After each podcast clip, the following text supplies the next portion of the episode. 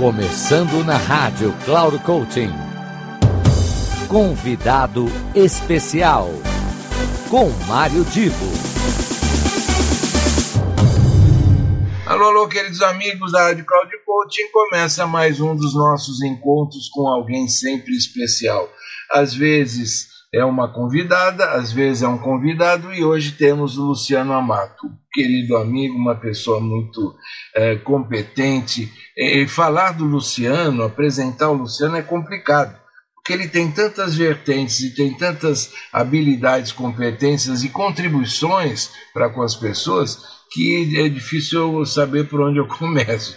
Então eu vou deixar que ele se apresente e fale daquilo que né, para ele mesmo né, é fundamental, só que do meu lado eu quero destacar um trabalho que ele desenvolve há um bom tempo com jovens, né, é, inserção de jovens na sociedade, projeto social muito interessante, e falar, antecipar é, que o Luciano ele tem uma, uma competência muito, muito ampliada nesse contexto da diversidade e inclusão e as suas várias dimensões. Ele lançou um livro há um tempo atrás e o sucesso do livro foi tão grande que agora, exatamente em novembro de 2023, ele está lançando o volume 2 deste eh, trabalho sobre diversidade e inclusão e suas dimensões, contribuindo para a construção de uma sociedade mais justa. Eu vou deixar que ele se apresente, vou deixar que ele comente sobre esse tema e eu volto depois para as minhas palavras de encerramento. Vamos lá, Luciano, agora é contigo. Olá a todos, todas e todes. Meu nome é Luciano Amato e eu quero primeiro agradecer a você, Mário Divo, e a Rádio Cloud Coaching pela oportunidade e parabenizar pela iniciativa. Espaços como esse são fundamentais para disseminar esse tema tão importante. Eu peço licença para me apresentar eu sou psicólogo, 57 anos, casado, avô de uma netinha linda, coaching, proprietário da Training People, que é uma empresa especializada em implantação de programas de diversidade e inclusão. Sou fundador do Instituto Bússola Jovem, que é um projeto social com foco na inclusão de jovens de baixa renda, coordenador do livro Diversidade e Inclusão em suas dimensões, volume 1 e 2. Inclusive, o volume 2 foi lançado em São Paulo na semana passada, na quinta-feira, e no sábado na Flip Paraty. E convido quem estiver aqui no Rio de Janeiro para o lançamento no dia 30 de novembro na Livraria Travessa do Barra Shopping às 19 horas. Bom, falar sobre diversidade é falar sobre vida, pois ela é a essência do ser humano.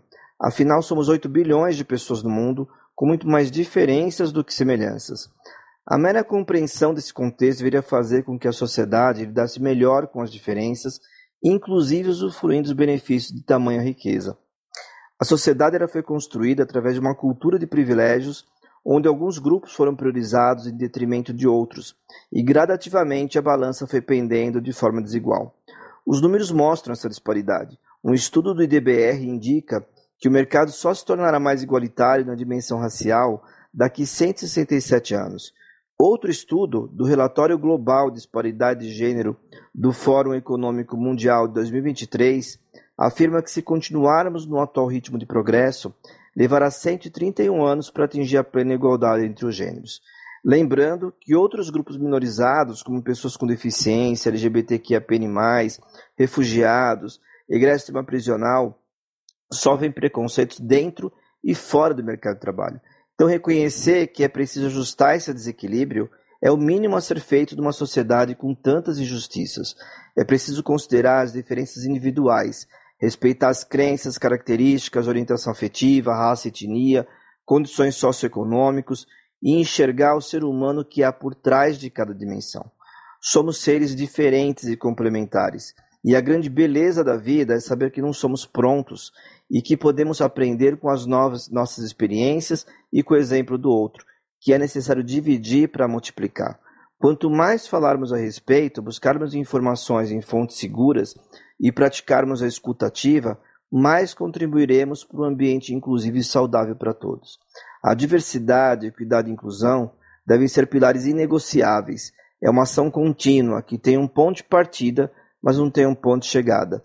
E todos nós devemos fazer parte dessa construção. E é para essa jornada que eu convido você para fazer parte. Meus contatos são 11 99607 4946, meu LinkedIn Luciano Amato e meu Instagram Luciano underline Amato. Muito obrigado. Então, então é isso. Eu quero agradecer ao Luciano.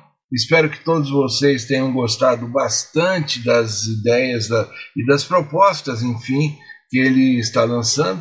Uh, fala do livro é falar para vocês não deixarem de acompanhar esse lançamento do volume 2 e para quem ainda não leu, é, ter acesso ao volume 1. Um. E eu fico aqui na expectativa de encontrar todos vocês na semana que vem. Até lá e um grande abraço. Final do programa Convidado Especial.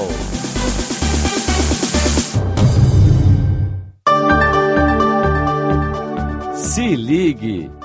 Semanalmente você ouve o programa Convidado Especial, sempre na segunda-feira às 15 horas, com reprise na terça às 5 e meia da tarde e na sexta-feira às 10 horas da manhã. Quem será nosso convidado ou nossa convidada?